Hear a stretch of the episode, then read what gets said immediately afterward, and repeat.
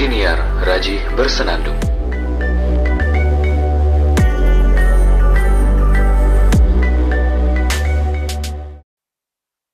Baiklah, setelah sekian lama saya tidak update podcast, akhirnya saya bisa update dengan perangkat baru, mikrofon baru, uh, ada sound cardnya, headphone juga. Tapi nanti silahkan dicek ya, apakah suaranya itu benar-benar jernih atau masih kresek-kresek atau kurang keras begitu. Dengan begitu saya akan tahu uh, improvisasi apa yang akan saya lakukan di episode berikutnya nanti. Uh, kemudian, alhamdulillah banget saya jadi belajar gitu untuk setup audio perangkat-perangkat audio sendiri gitu. Alhamdulillah banget. Akhirnya saya bisa merasakan ini gitu. Ini adalah dambaan saya semenjak tahun 2013 dulu. 2013 dulu saya pengen punya radio sendiri dengan perangkat yang lengkap. Tapi dulu cuma bisa beli mikrofon, kemudian ya PC, lalu hostingnya juga hosting gratisan gitu. Dan yang mendengarkan tidak lebih dari tujuh orang. Tapi dengan menggunakan podcast ini akhirnya yang bisa mendengarkan orang seluruh dunia. Itu pun kalau saya nge-share-nya ke orang seluruh dunia ya dan mereka mau mendengarkan gitu. kalau tidak mau mendengarkan ya Samirawon deh. Oke. Di kesempatan kali ini saya ingin membahas uh, topik topik terpanas kali ini yaitu Undang-Undang Omnibus Law. Tapi ya Omnibus Law ini memang pembahasannya panjang dan banyak. Saya ingin membahas tentang demonya saja ya, karena paling tidak saya tahulah dikit tentang demonstrasi atau aksi massa gitu. Kalau ada yang salah dari omongan saya, silahkan diberikan kritik dan saran melalui Instagram saya, direct message saja gitu di @raji.araki atau kirim ke email saya di raji.a93@gmail.com. Itu akan menjadi bahan evaluasi saya lah nanti untuk di di episode berikutnya itu nanti akan saya lakukan beberapa impro, improvisasi seperti perangkat, suara, kemudian topiknya mungkin kalau ada yang salah akan saya lakukan klarifikasi gitu di episode berikutnya.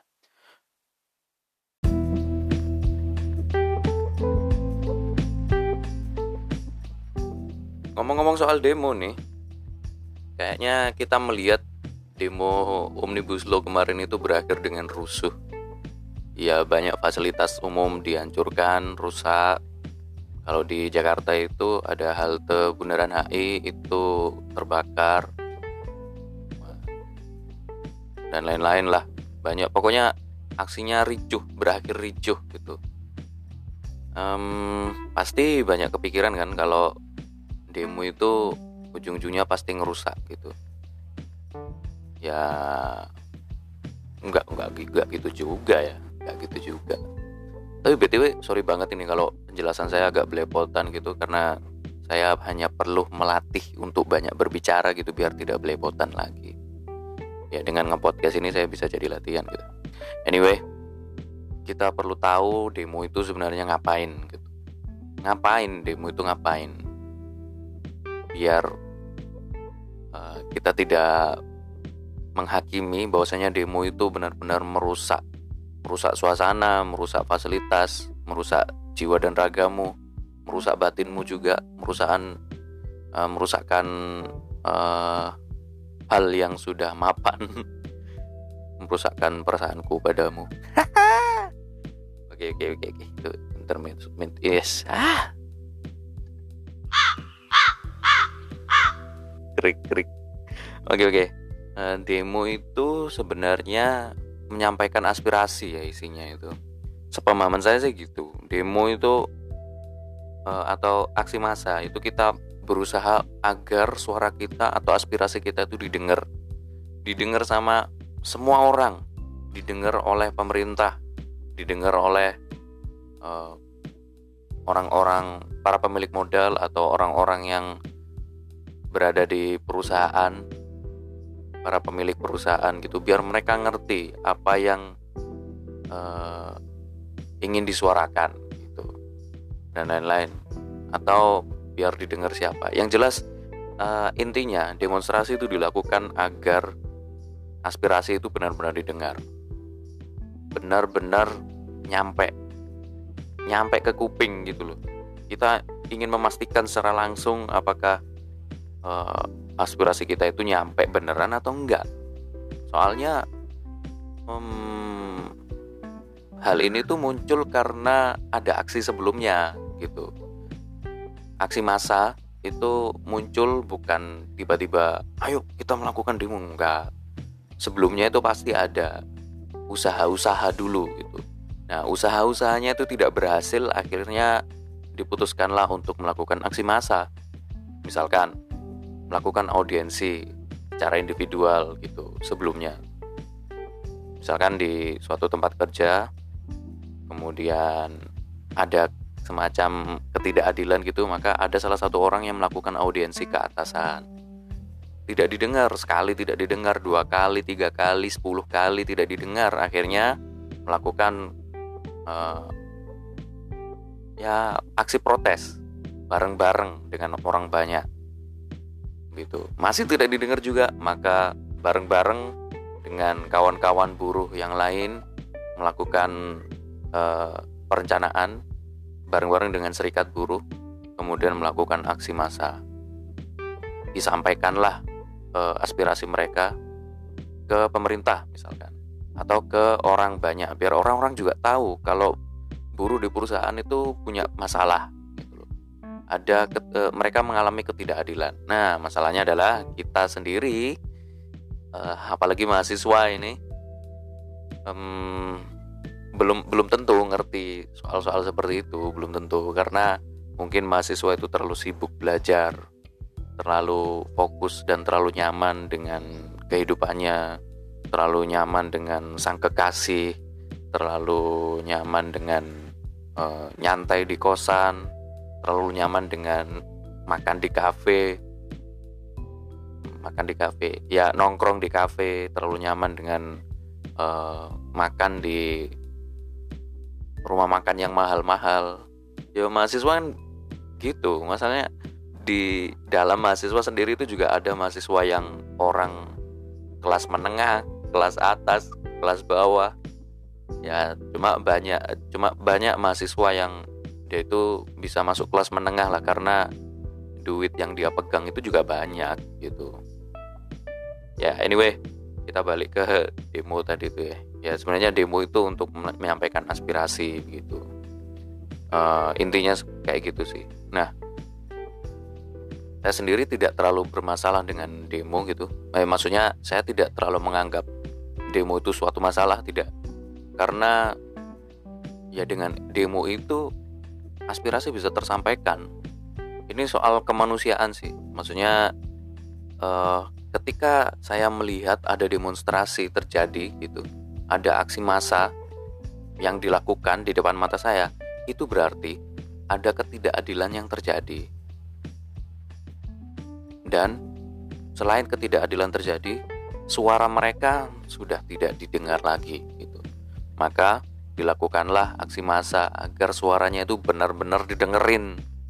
Biar pemerintah itu juga benar-benar ngedengerin gitu loh. ya, seperti itu.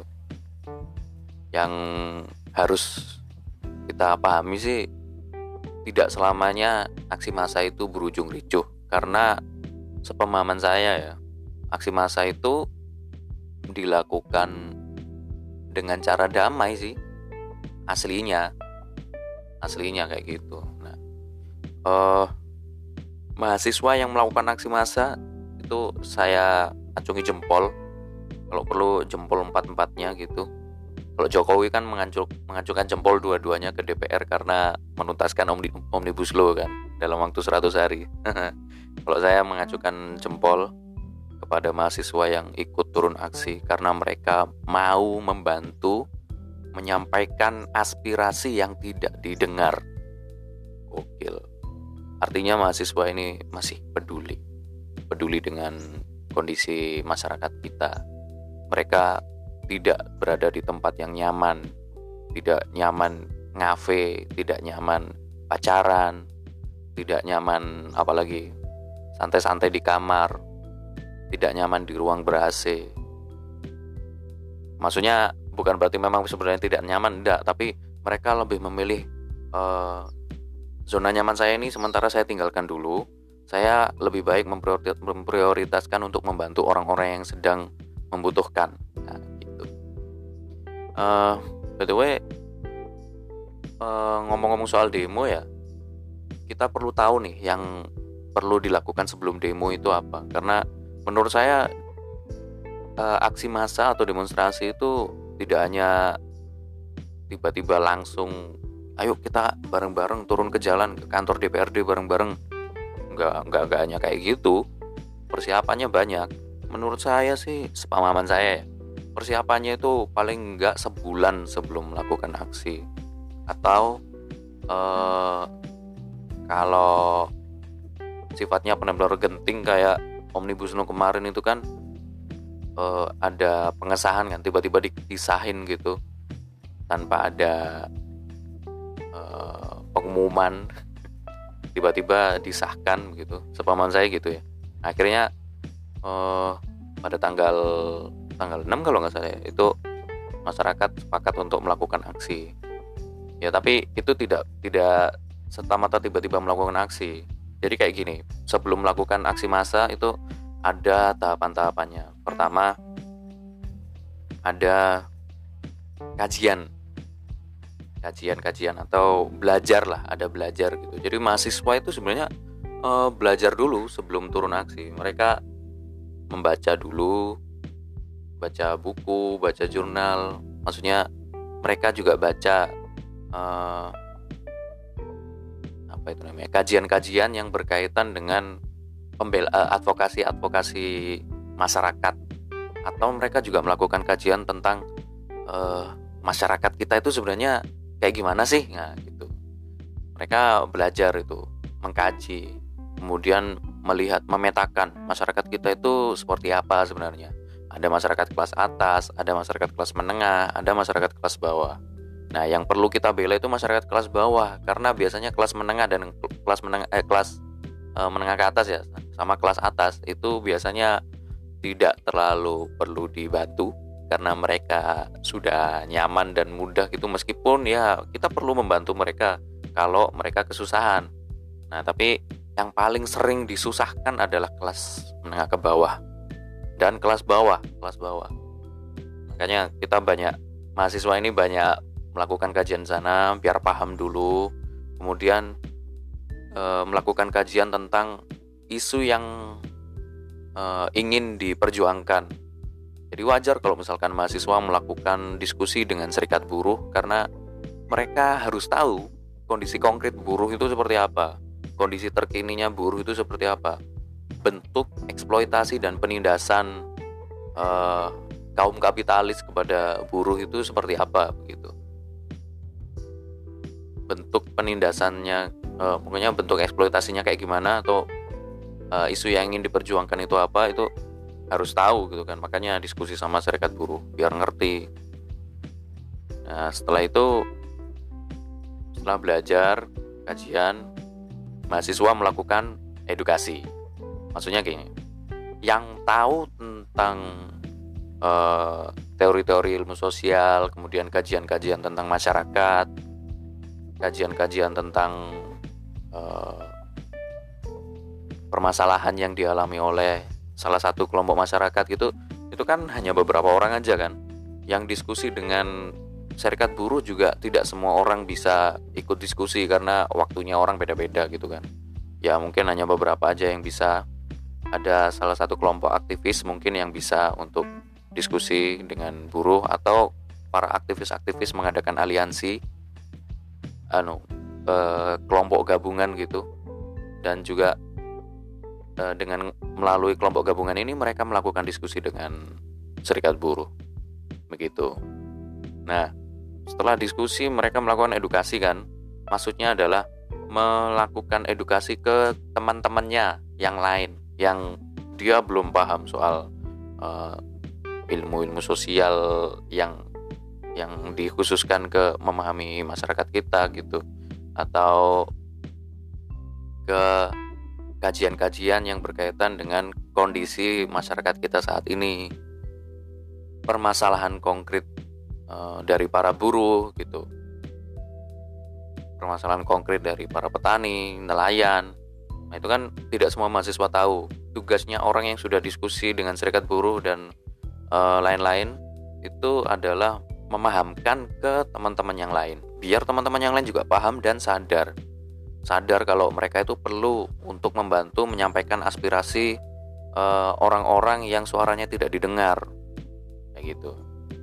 Setelah melakukan edukasi, barulah eh, mahasiswa dan mungkin serikat buruh atau para buruh tani dan lain-lain yang suaranya eh, perlu untuk diangkat itu melakukan rapat. Kira-kira perlu nggak kita melakukan unjuk rasa atau aksi massa? Ternyata dipandang perlu karena eh, sudah melakukan usaha ini, usaha itu, tapi tetap saja suaranya tidak didengar. Gitu. Ya sudah, akhirnya disepakatilah melakukan aksi massa.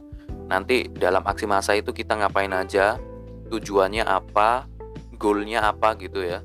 Maksudnya eh, dengan aksi massa ini cita-cita kita itu apa gitu, cita-cita konkretnya apa. Misalkan tidak hanya suara didengar, tapi ada teguran langsung kepada uh, para pengusaha yang nakal misalkan atau merubah merubah peraturan langsung. Ya misalkan ini contoh aja contoh contoh. Atau e, pokoknya ada ada ada solusi konkret lah. Tujuannya itu ada solusi konkret gitu. Nah lalu sekalian dirumuskan strateginya seperti apa nah karena disepakati ada aksi massa dibentuklah perangkat aksi perangkat aksi massa Tujuannya ya biar nanti aksi masanya lebih sistematis dan terkoordinir dengan bagi dengan bagus, dengan bagi dengan bagus. Nah, eh, di sana nanti ditentukan korlapnya siapa, koordinator lapangan korlapnya siapa, yang bagian humasnya siapa. Humas ini nanti yang bagian ditanyain sama wartawan ya, sepamam saya gitu.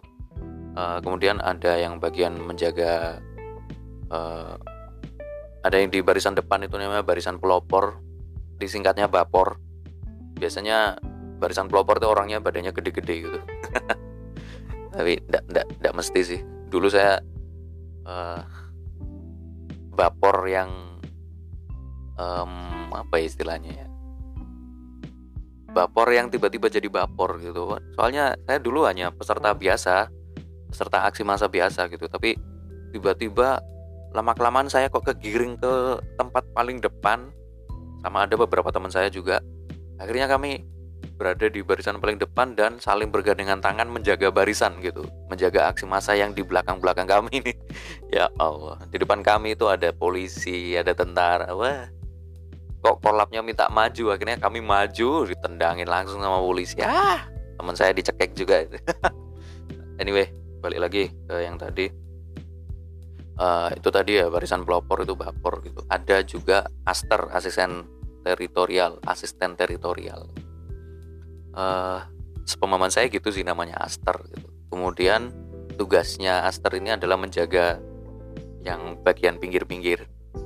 Menjaga biar nggak nggak bubar barisannya sepemahaman saya gitu dan juga lain-lain dan lain-lain pokoknya uh, ada pembagian tugasnya nanti Lalu setelah dibagi tugas dan strateginya sudah disusun, tujuannya juga sudah ditentukan, e, aksinya nanti bentuk aksi seperti apa gitu, aksi damai, biasanya aksi damai. Nanti tujuannya itu hanya agar bisa audiensi. Ya sudah, berarti siap berangkat.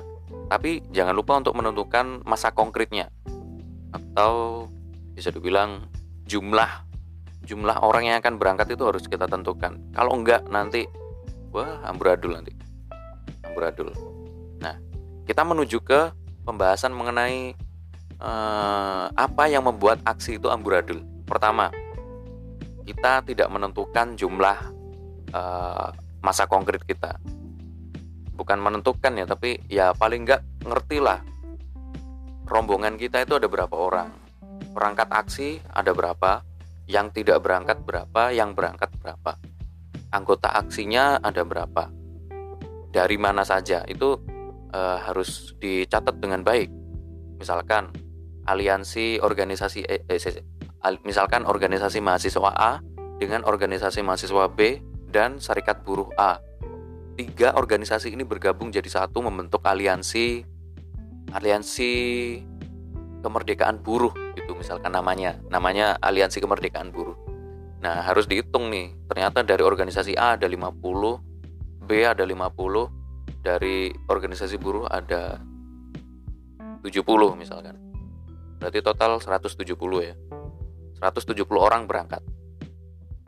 Kalau misalkan tidak dihitung nanti eh, pulang-pulang kita nggak ngerti siapa teman kita yang hilang nanti di aksi itu soalnya biasanya di aksi massa akan ada oknum-oknum yang menculik para anggota aksi massa atau mungkin korlapnya diculik bisa. Nanti uh, entah siapa itu yang bertugas pasti ada itu. Ada yang bagian menculik. Kemudian uh, penculikan itu juga secara tiba-tiba gitu. Kita nggak ngerti uh, tiba-tiba kawan sebelah kita nggak ada itu kan nggak ngerti. Karena aksi massa itu kan orangnya banyak. Maka dari itu ada asisten teritorial ya untuk menjaga gitu. Ada korlap juga untuk memberikan komando yang konkret yang jelas dan tidak di luar kesepakatan. Harus sesuai dengan kesepakatan komandonya itu. Lalu uh, harus hati-hati juga gitu. Kenapa kita harus menentukan masa konkret tadi itu?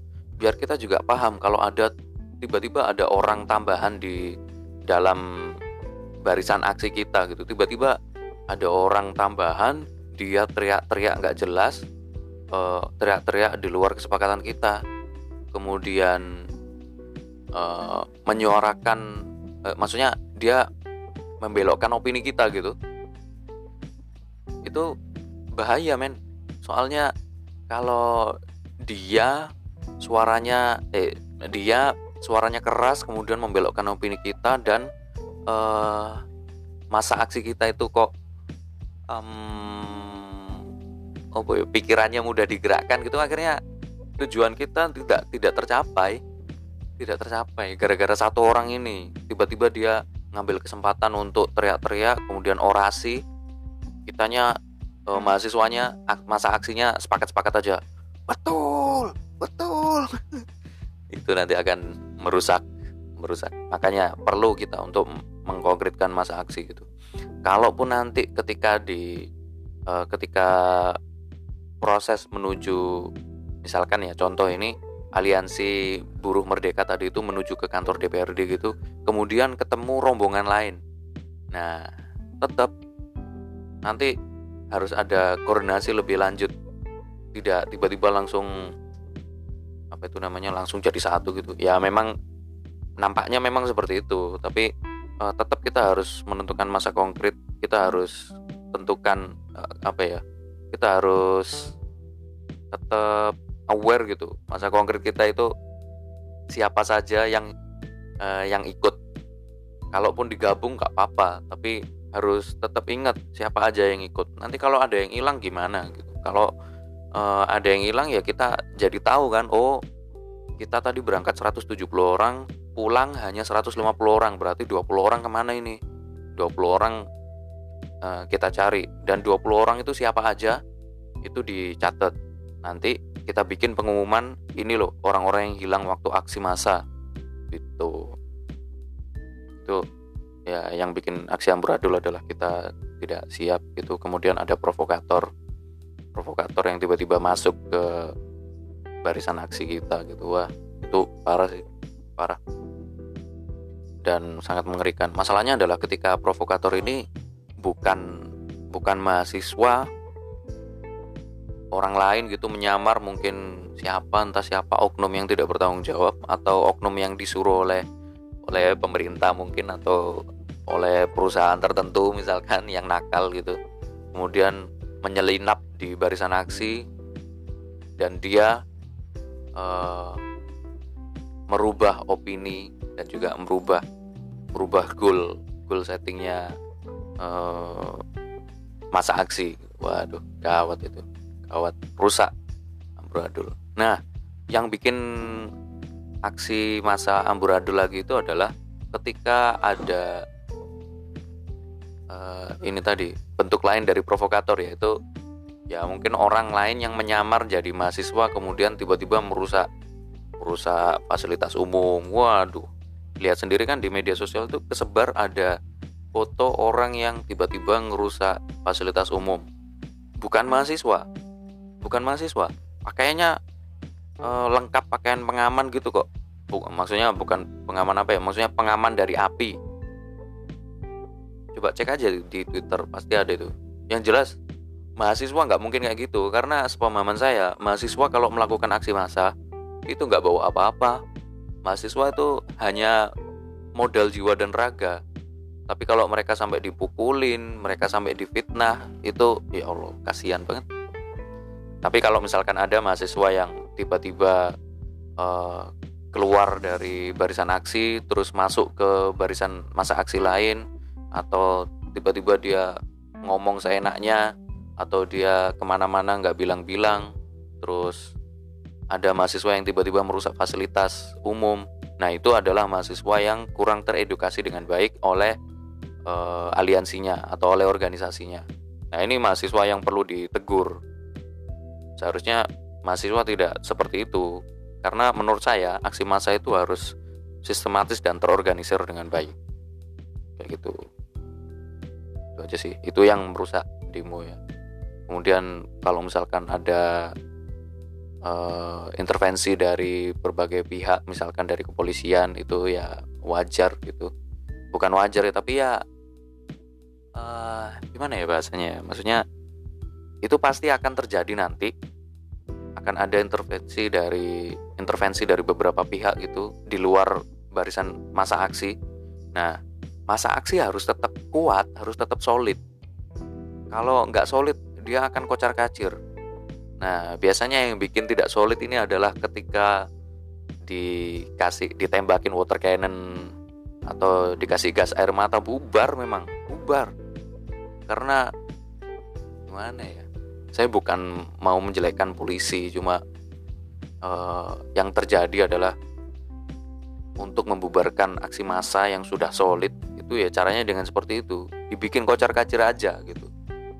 Saya melihatnya seperti itu sih waduh kasihan juga. Masalahnya uh, mahasiswa itu nggak punya pertahanan fisik apa-apa. Mereka itu hanya ya punya modal badan saja gitu sama keilmuan mereka. Kemudian mereka berani meneriakkan atau menyuarakan aspirasinya gitu loh waduh. Kalau diserang pakai serangan fisik ya kasihan juga gitu. Kalau misalkan mahasiswa sampai luka-luka ya ya gimana lagi? Uh, ya memang sih saya sih memahami tugas polisi dan mungkin juga tentara ya. Seingat saya dulu ada tentara juga yang berjaga itu tapi lupa. Seringnya sih polisi ya tugas tugas aparat keamanan ini adalah untuk menjaga keamanan demonstrasi dan juga tidak menimbulkan kegaduhan. Nah, mungkin juga, mungkin juga aparat keamanan itu sudah diberi komando oleh atasan. Dalam hal ini adalah pemerintah atau mungkin perusahaan mungkin atau dan lain-lain ya. Yang penting yang menjadi sasaran e, masa aksi gitu untuk menenangkan masa aksi atau perintahnya untuk membubarkan masa aksi dengan cara apa pun. Makanya wajar polisi e, tinggal menerima perintah laksanakan dipakailah cara apa pun dengan water cannon, dengan ditendang, dipukulin. Banyak kan videonya polisi mukulin. Sebenarnya ya gimana lagi ya? E, polisi dan tentara ya. Ini hanya me, menerima apa itu namanya komando menerima perintah. Tapi ya gimana lagi? Mahasiswa juga ndak punya apa-apa nggak punya pedang pentungan gitu ndak punya. Jadi ya itu seperti sama aja kita tuh sedang diadu domba begitu loh. Aduh. Tapi ya ada juga uh, oknum polisi mungkin ya mungkin oknum polisi yang yang tiba-tiba merusak aksi massa dengan cara-cara yang kurang lazim itu. Wah nggak tahu nggak tahu. Nggak tahu. Aku masih belum sampai sana karena uh, ikut aksi massa itu baru dua kali. Belum sering gitu. Belum lihat juga secara konkret uh, aksi massa yang sampai ada penculikan itu belum gitu. Ya Allah jangan sampai dah. Kemarin ada beberapa teman saya yang di diculik juga. Aduh gimana ini banyak teman-teman saya ini seharusnya teman-teman saya ini yang berhak ngomong soal aksi massa atau demonstrasi ini. Saya nggak terlalu berhak paling tapi paling nggak saya tahu dikit lah tahu dikit banget. Maksud saya ngobrol soal aksi massa ini adalah saya tuh pengen ini loh paling tidak uh, menyajikan pikiran baru, pemikiran baru tentang uh, bukan bukan bukan. Gimana ya bahasanya ya? Maksudnya saya tuh pengen menghapus stereotip bahwasanya demonstrasi itu pasti berujung rusuh. Enggak. Demonstrasi yang berujung rusuh adalah demonstrasi yang kena provokasi atau intervensi dari pihak luar. Kalau misalkan nggak ada intervensi atau provokasi dari pihak luar, demonstrasinya damai-damai aja. Misalkan mahasiswa dan uh, serikat buruh melakukan demonstrasi 170 orang ya ke kantor DPRD Kota Malang misalkan. Uh, izin masuk nggak bisa, izin masuk nggak bisa. Terus uh, negosiasi. Oh iya, di kalau tidak salah di perangkat ASI itu ada namanya negosiator. Ya lupa lupa saya. Pokoknya ada negosiator eh, negosiasi untuk audiensi akhirnya diizinkan masuklah masuk untuk negosiasi dengan para petinggi misalkan wali kota atau wakil rakyat di kantor DPRD gitu misalkan atau kalau wali kota ya di kantor wali kota. Kemudian aspirasinya dikabulkan dan ada solusi-solusi konkret. Nah itu sudah selesai. Aksinya damai.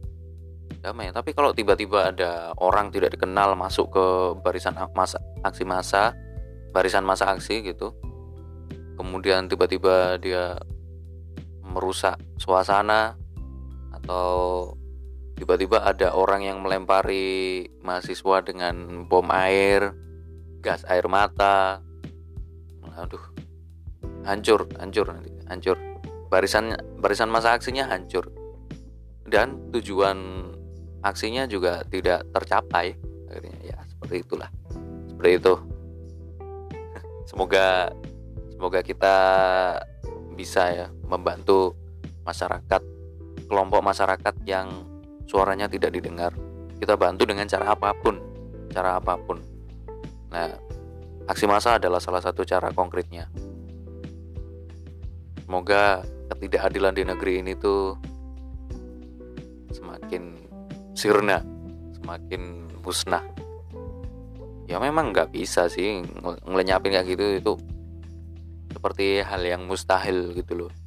Tapi ya paling nggak hmm, kita yang masih bisa berbuat baik ayolah berbuat baik.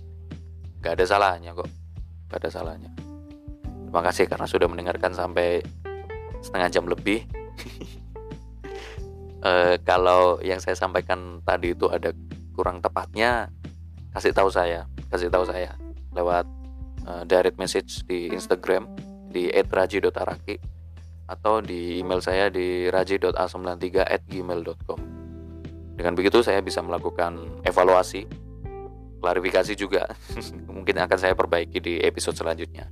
Terima kasih, sampai jumpa di episode berikutnya.